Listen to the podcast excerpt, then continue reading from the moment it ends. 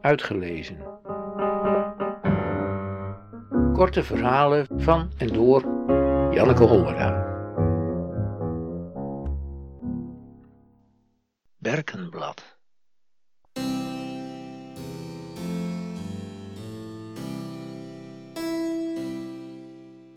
Voor de voeten in de sloffen rollen kleine grijze rubberen banden.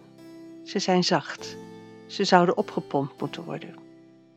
Soms zwenken ze onverwacht en volkomen onnodig naar links of rechts. De gang met het zalmkleurig linoleum is recht en schoon, ruikt naar boenwas en glanst.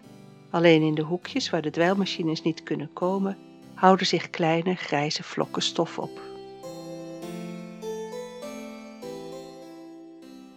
Midden in de gang een geel blad, een nat geel berkenblad, platgetreden of platgereden, meegenomen door een wiel van een rollator of door een schoen. Een van de witte vetenschoenen met de bijna onhoorbare zolen waar de jonge vrouwen met een stevige kuitenbeen door de gangen redden. Of een van de gezondheidsschoenen met steunzolen waar zijn medebewoners langzaam op voortschuifelen. Hij stuurt om het blad heen, bukt, pakt het van de grond, brengt het tot vlak onder zijn neus, snuift de geur op van boom, van buiten, van vroeger.